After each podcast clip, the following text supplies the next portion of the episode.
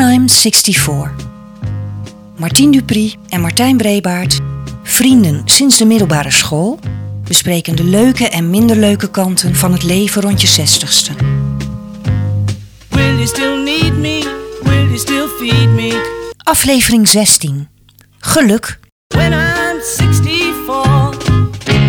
Welkom bij aflevering 16 van podcast When I'm 64. Aflevering 16 met de titel Geluk.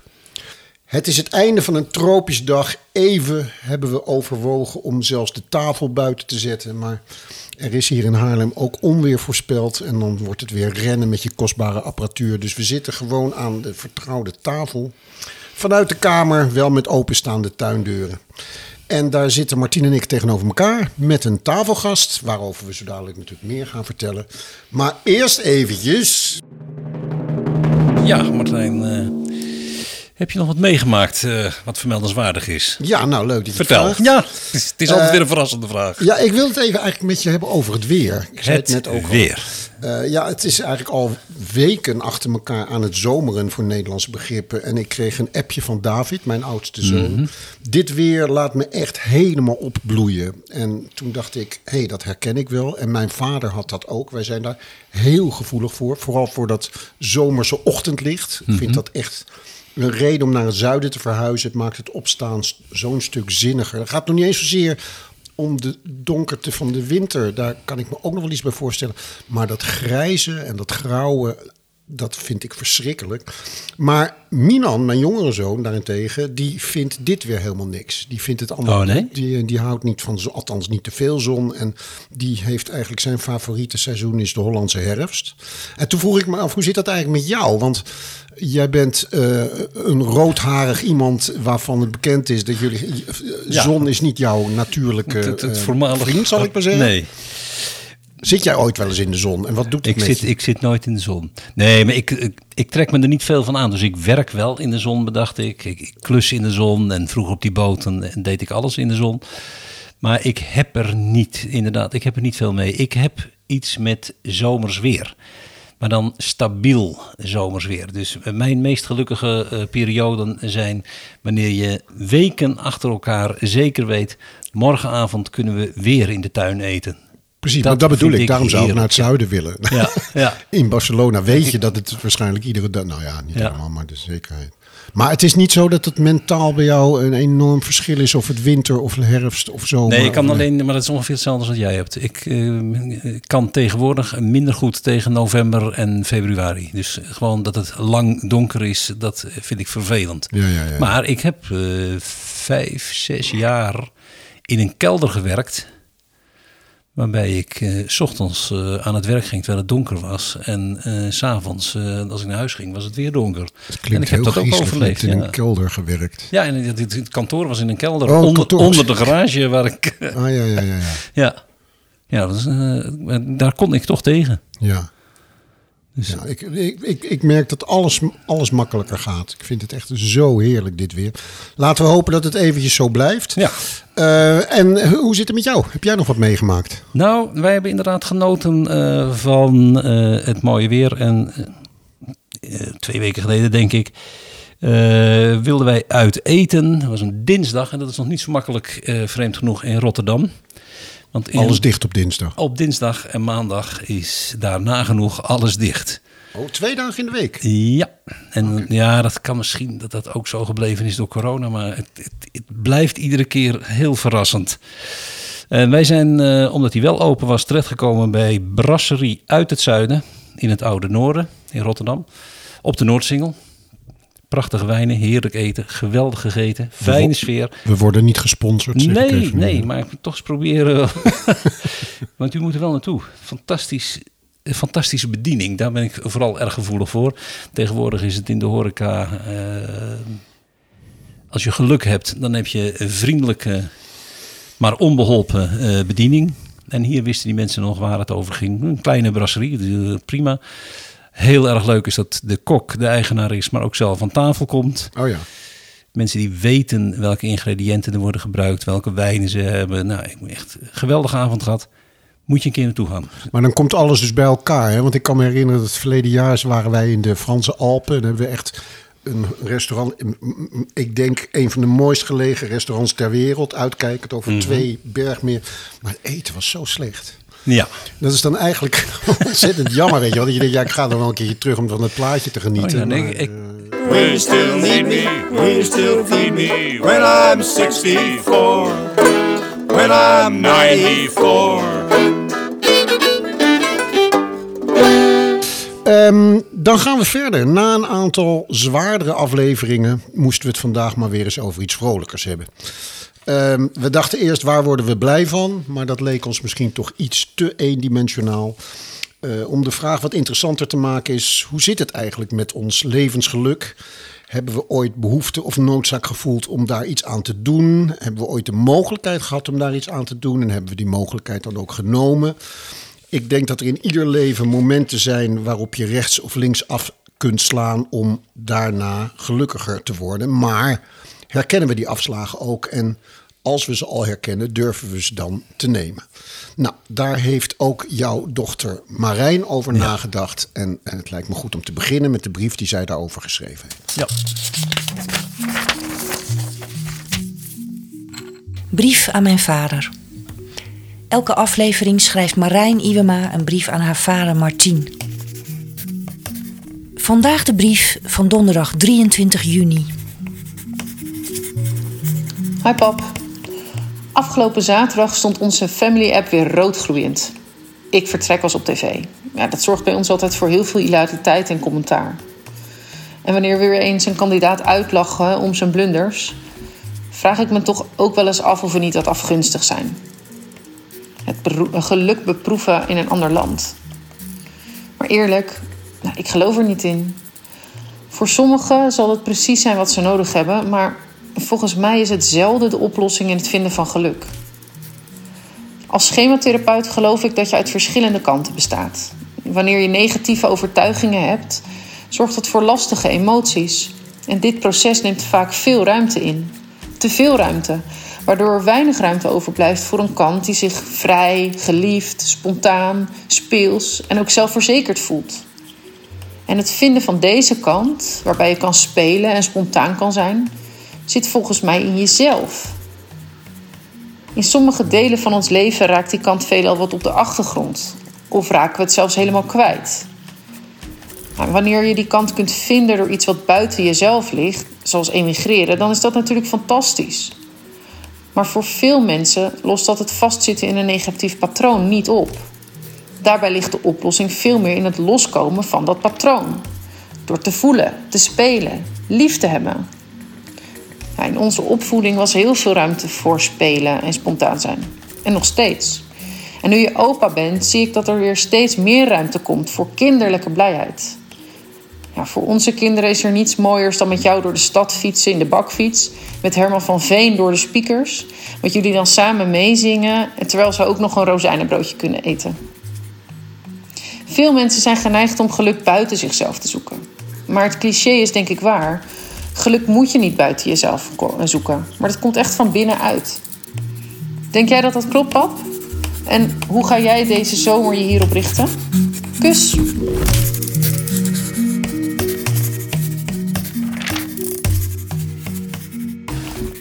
Jemig Marijn. Nou, het begint eh, eh, eh, goed. Om met de tweede vraag te beginnen. Deze zomer gaan we weer met, het hele, met de hele familie op vakantie. Dus dan is het voor mij niet echt moeilijk me op het geluk te richten. Ehm, de, de andere vraag, waarin je vraagt, denk jij dat het cliché waar, waar is? Dat je geluk binnen jezelf moet zoeken en niet buiten jezelf. Ja, daar, ik denk dat je mijn tekst daar wel over kent. Eh, eh, sinds ik eh, wat duurdere mooie boten verkocht en bouwde, zei ik zelfs tegen mijn klanten altijd: ja, dit gaat je niet helpen om gelukkiger te worden, want je zit straks met jezelf op die boot. En ik denk dat je het inderdaad eerst bij jezelf moet zoeken. Maar wij hebben vanavond daar een gast voor, Martijn. Ja, dit is een heel mooi bruggetje. Het wordt hoog tijd om onze gast eh, te introduceren. Eh, de gast van vanavond is Den van de Pol. En Den was jarenlang mijn collega wiskunde op het Eerste Christelijk Lyceum in Haarlem. Naast docent wiskunde was Den ook coach en trainer voor docenten en leerlingen. En hij zit hier omdat hij een voor mij onverwachte en verrassende beslissing nam verleden jaar. Hij besloot tenminste een jaar te stoppen met het ECL. Eh, in dat jaar vooral geen volle agenda's of geen schooldictaten.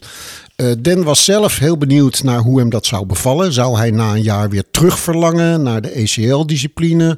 Of was het dat nooit meer en voortaan een andere levensinvulling? Over het hoe en waarom, over het verloop, over de gevolgen van deze keuze. We praten erover met onze tafelgast. Welkom Den, leuk dat je er dankjewel, bent. dankjewel. Fijn dat ik er mag zijn. Ik ben natuurlijk om te beginnen heel benieuwd. Hoe, hoe, hoe kwam die beslissing? Waarom dacht je op een gegeven moment van... ik moest maar eens even weg hier? Ja, je, je, je zegt dan het woord eh, denken. En dat is, eh, dat is dan voor mij al lastig, want dat was eigenlijk een gevoel waar ik toch al jaren mee liep. Ik, eh, ik had het eigenlijk op de ECL prima naar mijn zin. Ik had het ook goed voor elkaar. Hè? Dus gewoon eh, wiskundedocent en coach en trainer. Dus eh, mijn werk zo door, door drieën gedeeld. Prima eigenlijk. En, maar toch zat er zoiets van, ja, het gaat te makkelijk of, of wat dan ook. En ja, vorig jaar toen dacht ik op een gegeven moment van, ik ga, ik ga gewoon een jaar niet werken. Ik ga gewoon een tussenjaar nemen. Al die leerlingen nemen een tussenjaar. Nu neem ik een tussenjaar. En eh, financieel kon het, dus dat was een luxe, het is natuurlijk een luxe, luxe gebeuren. Zeker. Maar eh, het kon en, eh, en ik heb het gedaan. En, en het was ook nog zo dat, ja, ik geef dan wiskundeles. En de, ja, er zijn heel veel vacatures voor wiskundedocenten. Dus ik had ook wel het vertrouwen van, nou, ik weet niet wat er op me afkomt, maar ik kan altijd weer docent wiskunde worden. Op een andere school of misschien wel op het ECL. We zien wel wat er gebeurt. Dus zo is het ongeveer gekomen. En jij bent denk ik de honderdste die deze vraag stelt. En dit is weer een nieuw antwoord voor mij. Want ik zit weer te denken van... Oké, wat zei ik nou de vorige keer? En ja, was toch weer een heel ander verhaal. Nou ja, wat mij vooral boeide eraan is dat ik to- toen begreep, maar misschien is het niet zo, dat je eigenlijk maar één doel voor ogen had en dat is een lege agenda. Het was niet zo dat je een sabbatical nam om je nou eens een jaar lang eh, in de decimalen van Pi te gaan. Nee, nee, nee, nee, dat klopt inderdaad. Ik, eh, het is goed dat je dat zegt, want ik heb me inderdaad voorgenomen om mijn tijd niet vooraf in te vullen. Dus eh, de, de meest gestelde vraag is natuurlijk, eh, wat ga je doen in Ja, dat jaar? Nou, dat woordje doen, dat, dat Ja. geeft dus aan dat je, dat je actief bezig moet zijn. Eh, ik heb geprobeerd juist niet actief bezig te zijn. Ik heb natuurlijk wel dingen gedaan. Je moet wel opstaan en eten en, Ja. en rommelen. Ik heb een jaar gerommeld, daar komt het eigenlijk op neer. Maar ik, had wel, ik voelde wel de druk zo af en toe van... moet ik nou niet eh, vrijwilligerswerk gaan doen? Want al die problemen, al die, er, komt van alles op je af. En dan denk ik, oh, daar kan ik eigenlijk ook wel een steentje aan bijdragen. Maar ik dacht toch van, nee, nee dat, het, is wel, ja, het zou heel goed zijn als je het doet. Maar het is niet nu om dat te doen. Dat is eigenlijk het experiment niet. Het experiment is van, eh, wat blijft er van mij over... als ik mijn werk eh, even opzij zet... en ik doe verder niets... kan ik dan met mezelf, zeg maar... eh, of kan ik mezelf in de spiegel zien?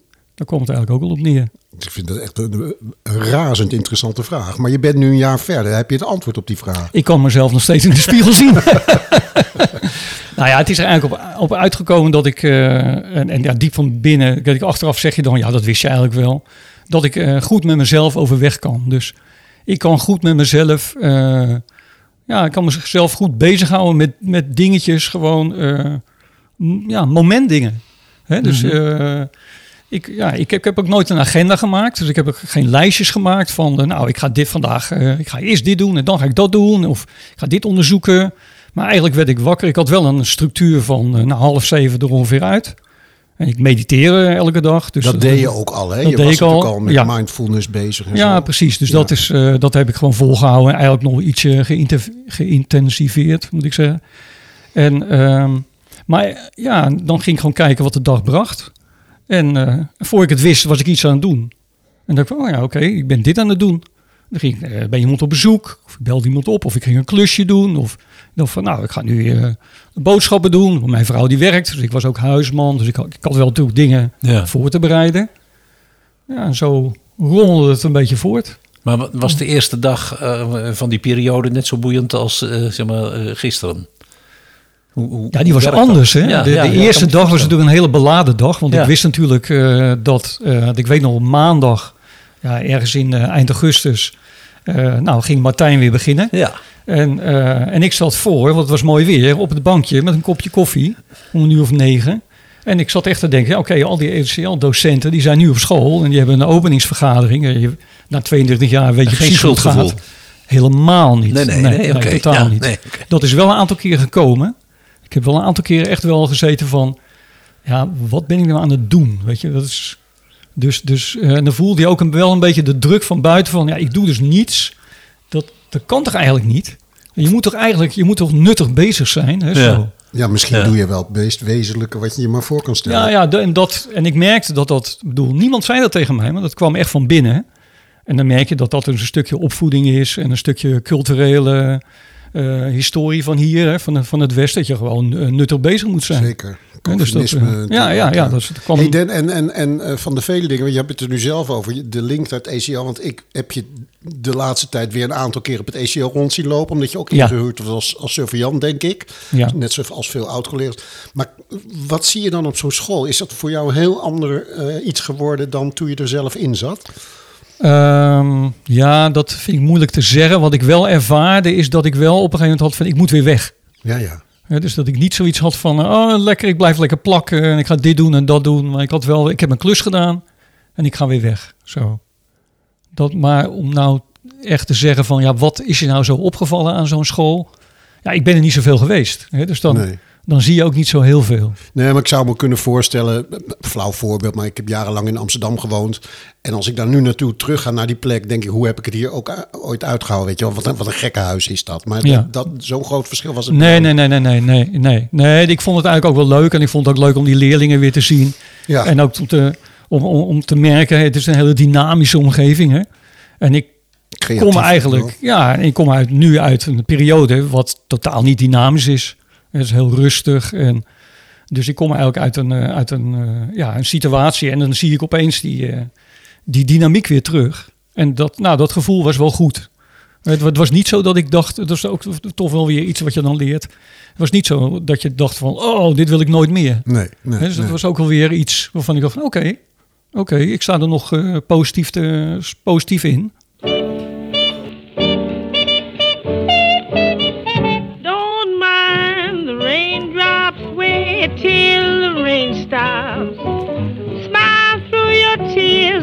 Laughing at life. No road is lonely if you will only lose all your blues, laughing at life. Live for tomorrow, be happy today. Laugh all your sorrows away. Start now and cheer up,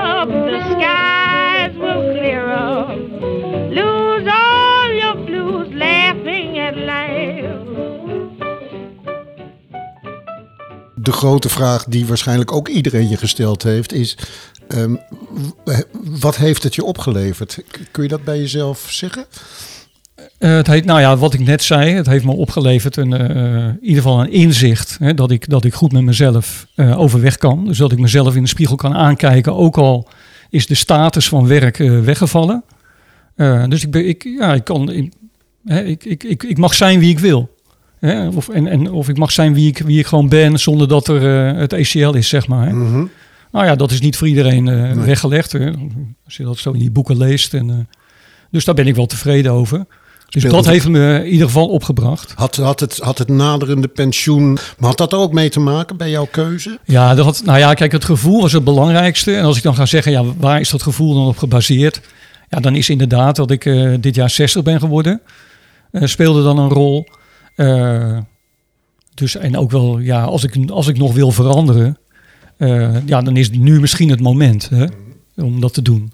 Je hoort natuurlijk heel vaak, ik, eh, ik ben zelf een tijd lang gestopt geweest met werken ergens rond mijn veertigste. En toen zei iedereen, zei, ja, als je nou snel dood wil gaan, dan moet je dat doen. Je moet actief blijven, je moet blijven werken. Nou, dat, dat heb ik dan verder in de wind geslagen, maar wel weer snel eh, iets anders begonnen. Maar dat was meer omdat het op mijn weg kwam. Maar die waarschuwing hoorde je wel altijd. Mm. En jij mist natuurlijk ook de contacten, de leerlingen. En eh, laat mij een tijd lang in mijn eentje leven. Je wordt onverschilliger en misschien wat eh, minder sociaal. Ja, nou, het Voor is- zover dat bij mij nog mogelijk is. Maar Ja, het is niet zo dat ik, dat ik helemaal in mijn, zo, zo'n jaar lang in mijn eentje ergens Nee. op, een, hè, op de hei heb gezeten of zo. Eh, ik heb het wel veel rustiger gehad. Je hebt minder verplichtingen. Je hoeft met minder mensen rekening te houden. Klopt, klopt. Ja. En ik, ik, ik, ik hoef met, nou ja, ik moet met een paar mensen Ja. rekening houden. Maar ik, eh, ik Maar heb dat wil geen- je dan ook. Dus. Dat wil ik ook. En, Ja. ik heb, en het was, er is natuurlijk een verschil tussen je, eh, je zeg maar alleen, alleen zijn en je eenzaam voelen. Je kan alleen zijn, maar je hoeft je helemaal niet eenzaam te voelen. En dat speelde bij mij wel vaak. Zeg maar. Ik was er dan wel alleen, maar ik voelde me totaal niet eenzaam. Heeft dat er ook mee te maken, Den, eh, dat je meer tijd hebt om datgene wat je doet dan ook volledig te doen, zal ik maar zeggen. Ja. Ik merk dat ik door Ja. de drukte ook heel vaak dingen doe waarvan ik denk, ik ben lang niet zoveel als jij, maar een heel klein beetje met mindfulness bezig geweest en heb me daardoor gerealiseerd, ik moet me bewuster zijn van wat ik doe. Je doet zoveel dingen op een soort automatische piloot. Ik kan me voorstellen dat na jouw keus dat er ook meer ruimte was om de dingen die je dan deed, eh, volledig Zeker. gemotiveerd te doen. Zeker, daar ben ik al, al een tijd geleden eh, mee begonnen. Daarom ben ik ook op een gegeven moment minder gaan werken bij het ECL. Want ik merkte dat, eh, dat ik eh, ja, moest kiezen tussen ja, of ik ga eh, inboeten aan kwaliteit. Of ik ga wat minder werken. En dan kan ik wel de kwaliteit leveren die ik wil. En dat laatste ben ik gaan doen. Zo van, eh, ja, ik, ik, wat ik doe, wil ik gewoon goed doen. En in dit jaar heb ik wel gemerkt van de dingen die ik doe, die doe ik ook met volledige aandacht. Hey, ik, ik, ik bak bijvoorbeeld mijn eigen brood. En eh, nou, dat doe ik dan heel rustig en met, met, met aandacht. Een bakker zou zeggen, ja, hier word je echt niet rijk van. Nee. Dat duurt allemaal veel te lang. Maar eh, mijn vrouw vindt het heerlijk en, die, eh, en ik vind het leuk om te doen. Nee, mijn dagen zijn altijd wel gevuld. Alleen de dingen die ik doe, daarvan kan een ander wel zeggen...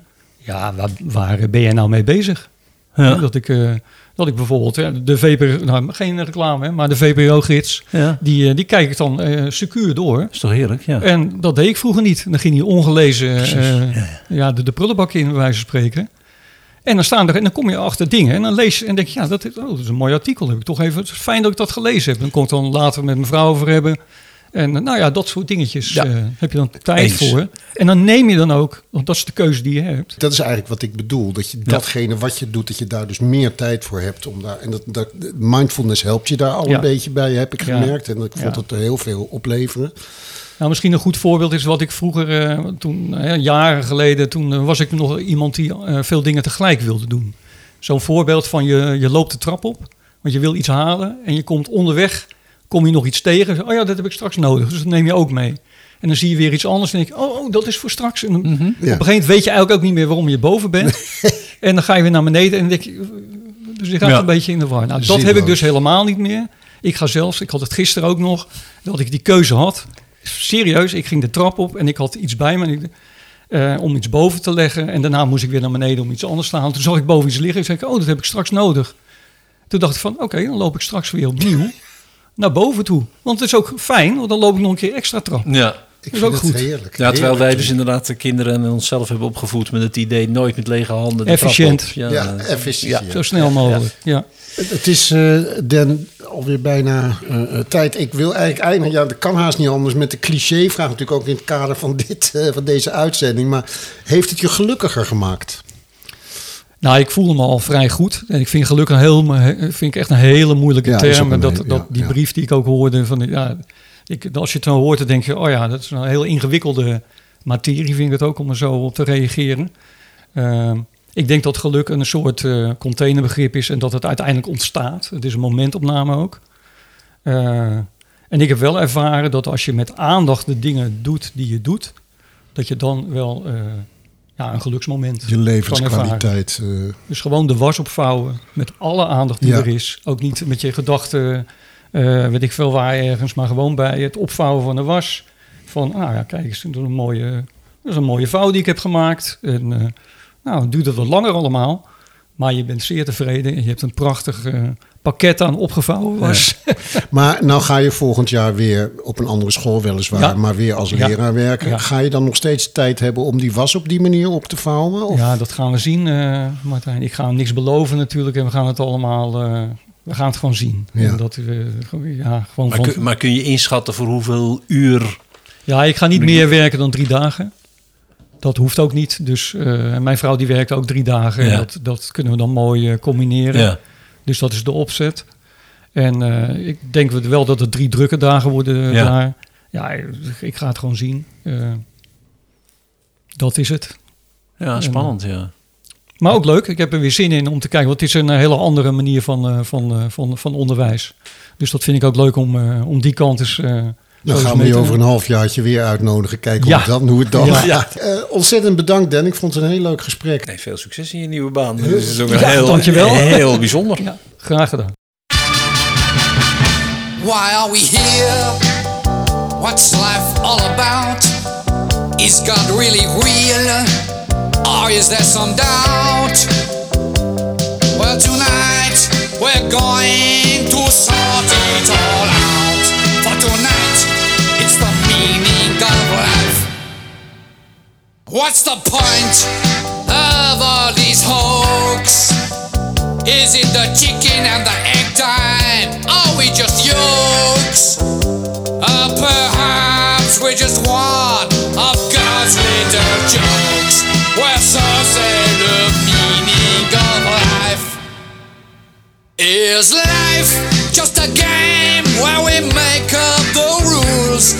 we're searching for something to say? Are we just simply coils of self-replicating DNA? In this life, why are we here? And just what, what, what, what do we fear? Well, it's why, for a change,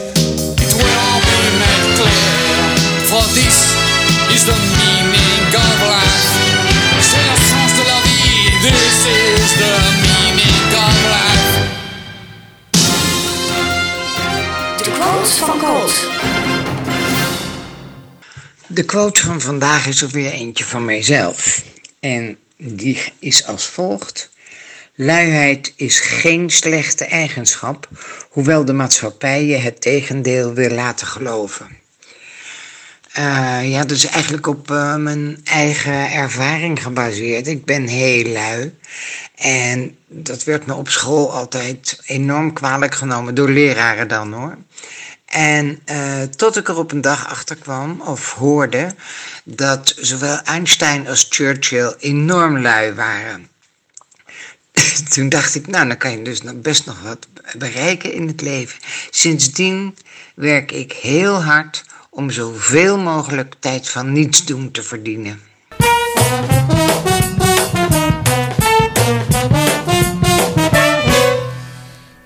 Dankjewel, Coot, voor deze quote die ons bereikte vanuit je vakantieadres in eh, Frankrijk.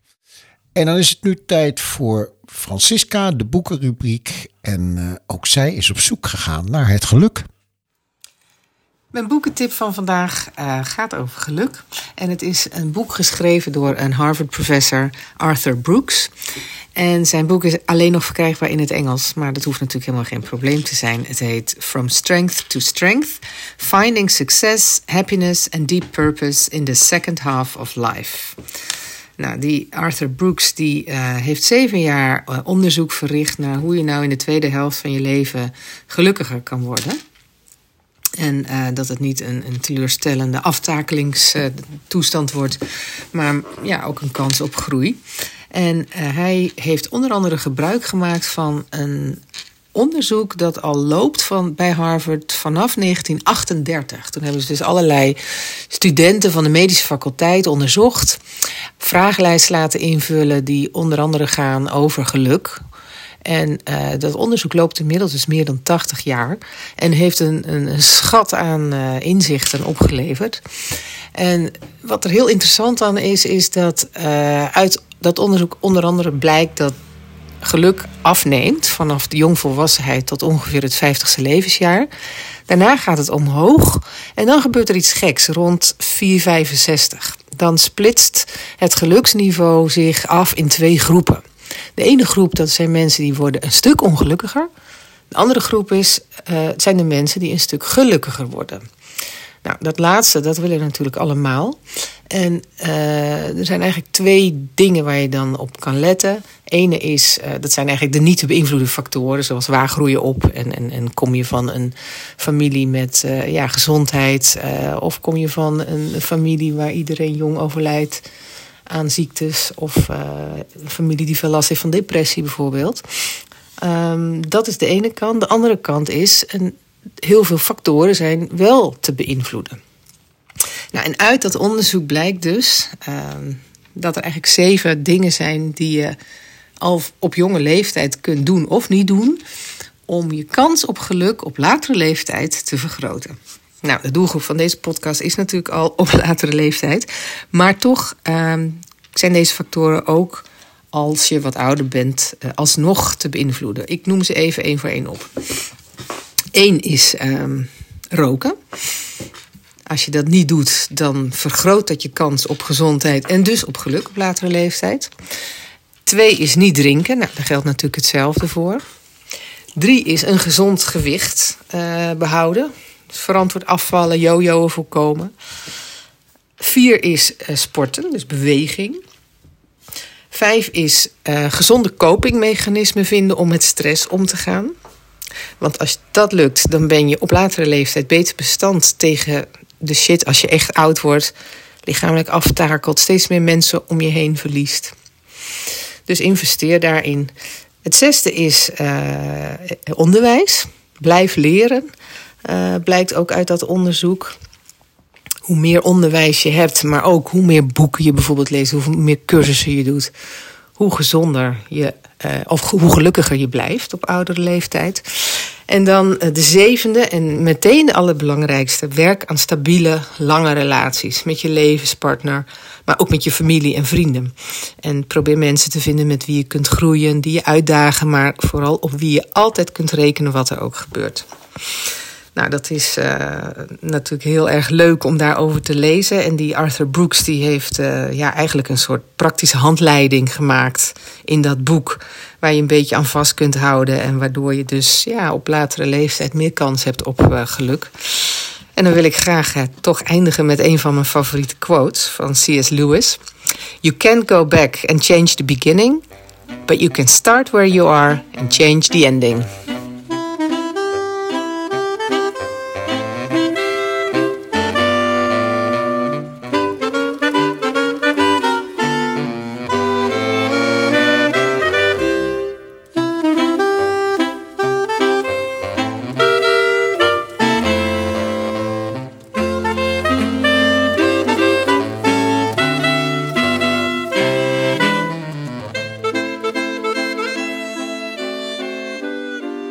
Nou, Martien, dan zitten we nog even tegenover elkaar om uh, nog wat gedachten te delen bij het onderwerp geluk en bij wat er vanavond besproken is. Uh, we hadden het over die afslagen, hè? die afslagen naar geluk. En uh, dat bracht mij op een heel concreet, concrete herinnering. Ik weet niet eens of jij het nog weet, maar ik denk rond 1980 moet dat geweest zijn dat we in jouw auto, Citroën ja. was het misschien, ja, ja, met drie vrienden richting Parijs gingen. Ja, en klopt, ja. op een voor mij volstrekt. Uh, ik, ik, weet niet waarom, maar opeens sloeg jij rechtsaf. En ik vroeg toen aan je: hadden we hier niet linksaf gemoet? Hadden we niet naar? En toen zei jij: nee, we gaan naar Londen. Ja, ja dat staat ook nog wel voor. Oh, daar staat je gelukkig. Ja. Ik dacht dat ik het een beetje geromantiseerd had, maar daar staat nee, jou nee, dus ook. nee. Ik heb altijd afgevraagd: uh, waar, wat, wat was dat? Waarom besloot je zonder overleg opeens rechtsaf te slaan en onze bestemming te veranderen? Ja, voor zover ik me herinner was dat omdat het kon, inderdaad. Dat was Precies. meer reden en was er niet. Maar wat me daar het meest van bijstaat is dat wij die, die boot opgereden zijn. En dat wij op dat dek stonden eh, boven de spiegel van de boot. Dus naar achter keken. En toen bedacht ik, eh, mobiele, telefoons, mobiele telefoons waren er nog niet. Nee, en toen bedacht ik, niemand, maar dan Nee. ook helemaal niemand Weet waar wij nu zijn. weet waar wij nu Ja, zijn. Ja. prachtig, ja. En dat was, waarom dat een geluksmo? Ik denk, misschien dat we er straks op komen, misschien dat geluk toch wel heel erg veel, of misschien wel helemaal te maken heeft met vrijheid. Het is 30 jaar geleden, Ja, maar het is nog een minstens. Hele, concrete herinnering. 40, 45 jaar, dit 40 Ja. jaar geleden. Ja, Ja, precies. Oh ja, inderdaad. Ja. Maar ik- denk, ja, ik, ik kom daar ook op. Gewoon omdat het, omdat het kon. Het gelukkige dat je nog geen verplichtingen hebt, geen... Ja, volgens mij was het ook midden in de nacht. Want ik weet nog dat wij. Dat, dat is ook zo'n eh, ervaring die, die, die, die zeg maar, geëtst staat in je eh, herinnering als leuke herinnering. Dat wij 's ochtends Geen idee. Het was licht in ieder geval. Ja. Dat wij 's ochtends Trafalgar Square opreden Ja, ja, in die Citroën van mij met z'n drieën. Dat je denkt, dit kan niet waar zijn. Ik ben in een hele andere wereld, in mijn eigen auto. Dat, dit, dit, is, dit is waanzinnig. Maar heb jij het idee om het even iets, iets groter te trekken... Dat, eh, dat er inderdaad in je leven een aantal van dit soort afslagen voorbij komen... waarbij je achteraf denkt... God, die had ik moeten nemen. Of wat fijn dat ik die genomen heb. Of, Nee, ik vind deze, deze, deze, dit verhaal, dus dat we geen idee onderweg waren naar Parijs en ineens rechtsaf zijn gegaan naar, naar Londen, is wel, een, is wel een leuke metafoor. Maar de afslagen die je in het leven neemt, zijn, dat gaat over andere dingen. Wij hebben heel impulsief besloten om te gaan samenwonen en, en Marianne en wonen. jij, Ja, Marianne en ja, en, luisteraar, wo- ja. en wonen dus al 40, meer dan 40 jaar eh, samen. Dus dat hebben wij op een, gewoon we zaten te eten en toen hebben we bedacht laten we gaan samenwonen. Ehm, maar zo heb ik ook eh, heel impulsief besloten toen er een, een klant, toen ik belastingadviseur was, binnenkwam lopen en die zei: Wil jij bemiddelen bij de verkoop van mijn bedrijf? En dat wil ik verkopen aan die, die of die. En toen vroeg ik aan die klant: Maar mag ik het kopen? En diezelfde dag heb ik zijn bedrijf gekocht. ja. En toen ik s'nachts thuis kwam, heel laat, eh, volgens mij iets van half vier of zo.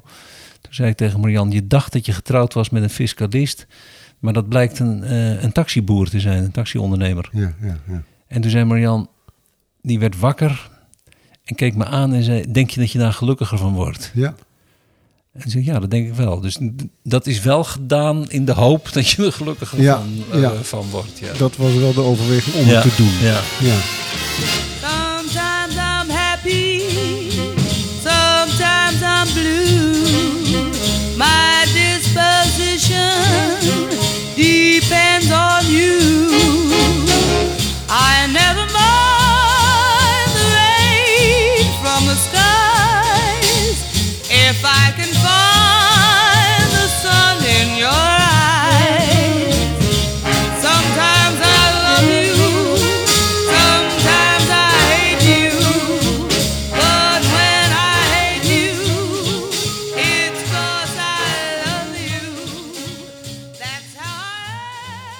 Hebben dit natuurlijk eh, al een beetje voorbesproken, hè, Martien. En Ja.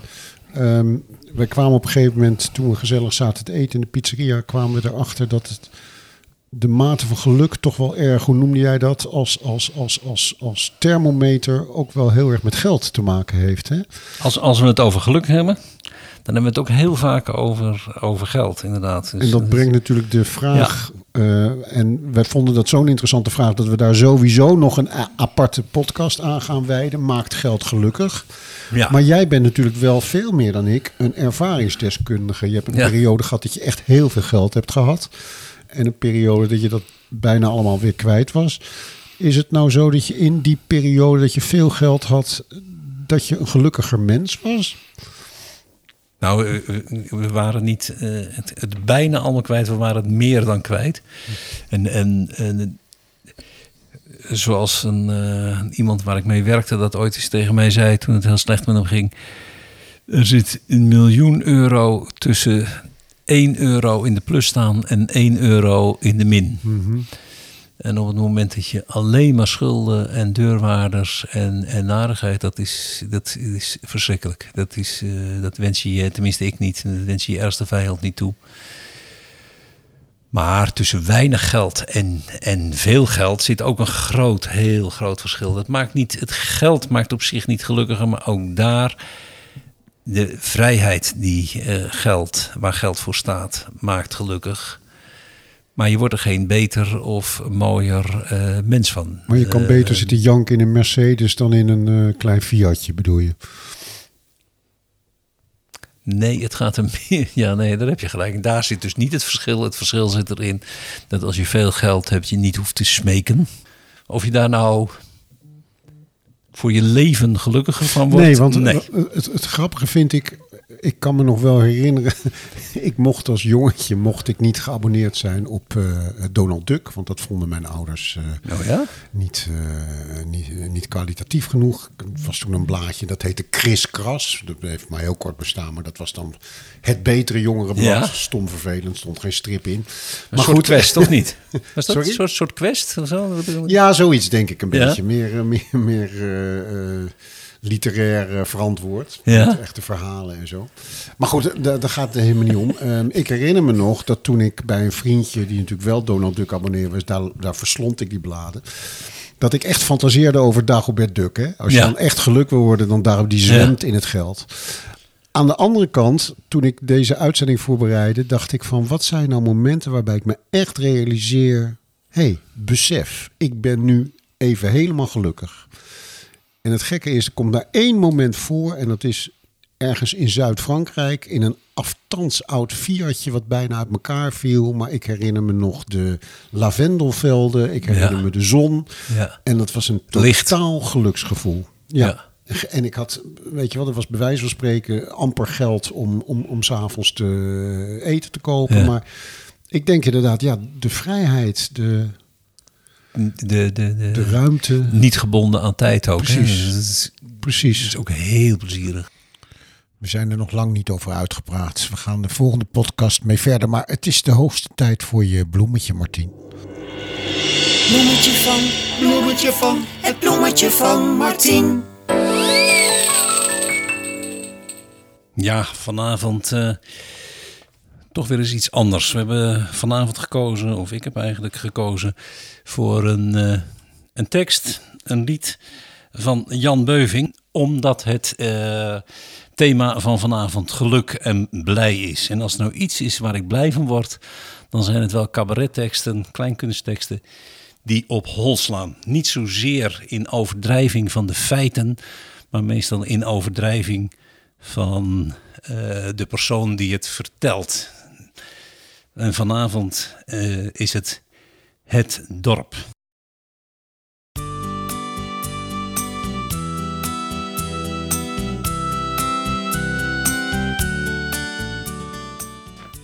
Ik ken een eh Zonneveld-fanaat die thuis het dorp heeft op een plaat. Hij is in staat van vroeg tot laat dat liedje af te draaien. Maar wat ben ik dat dorp toch zat. Voor mij part gooien ze het plat. Ik zet die bomen langs dat pad het liefst in lichterlaaien. Ik zet met groot plezier de schaar in aanzichtkaart en bietelhaar. En haat bij voorbaat plaatsen waar een weg loopt door het koren. Wanneer ik ooit met mijn tomtom bij dat verdomde tuinpad kom, dan spit ik het persoonlijk om. Van achteren naar voren. Die suikerzoete nostalgie met die libellenpoëzie. Of weer zo'n klote parodie. Ik kan het niet meer horen.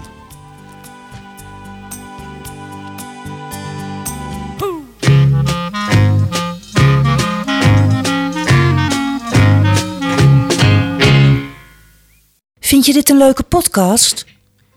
Dan hoef je geen uitzending meer te missen als je je abonneert of ons gaat volgen via de bekende podcast-apps zoals Spotify en Apple Podcasts. Leuke foto's en filmpjes kun je vinden op onze Instagram-pagina When I'm 64 Pod. Reageren kan via de mail whenI'm64podcast@gmail.com.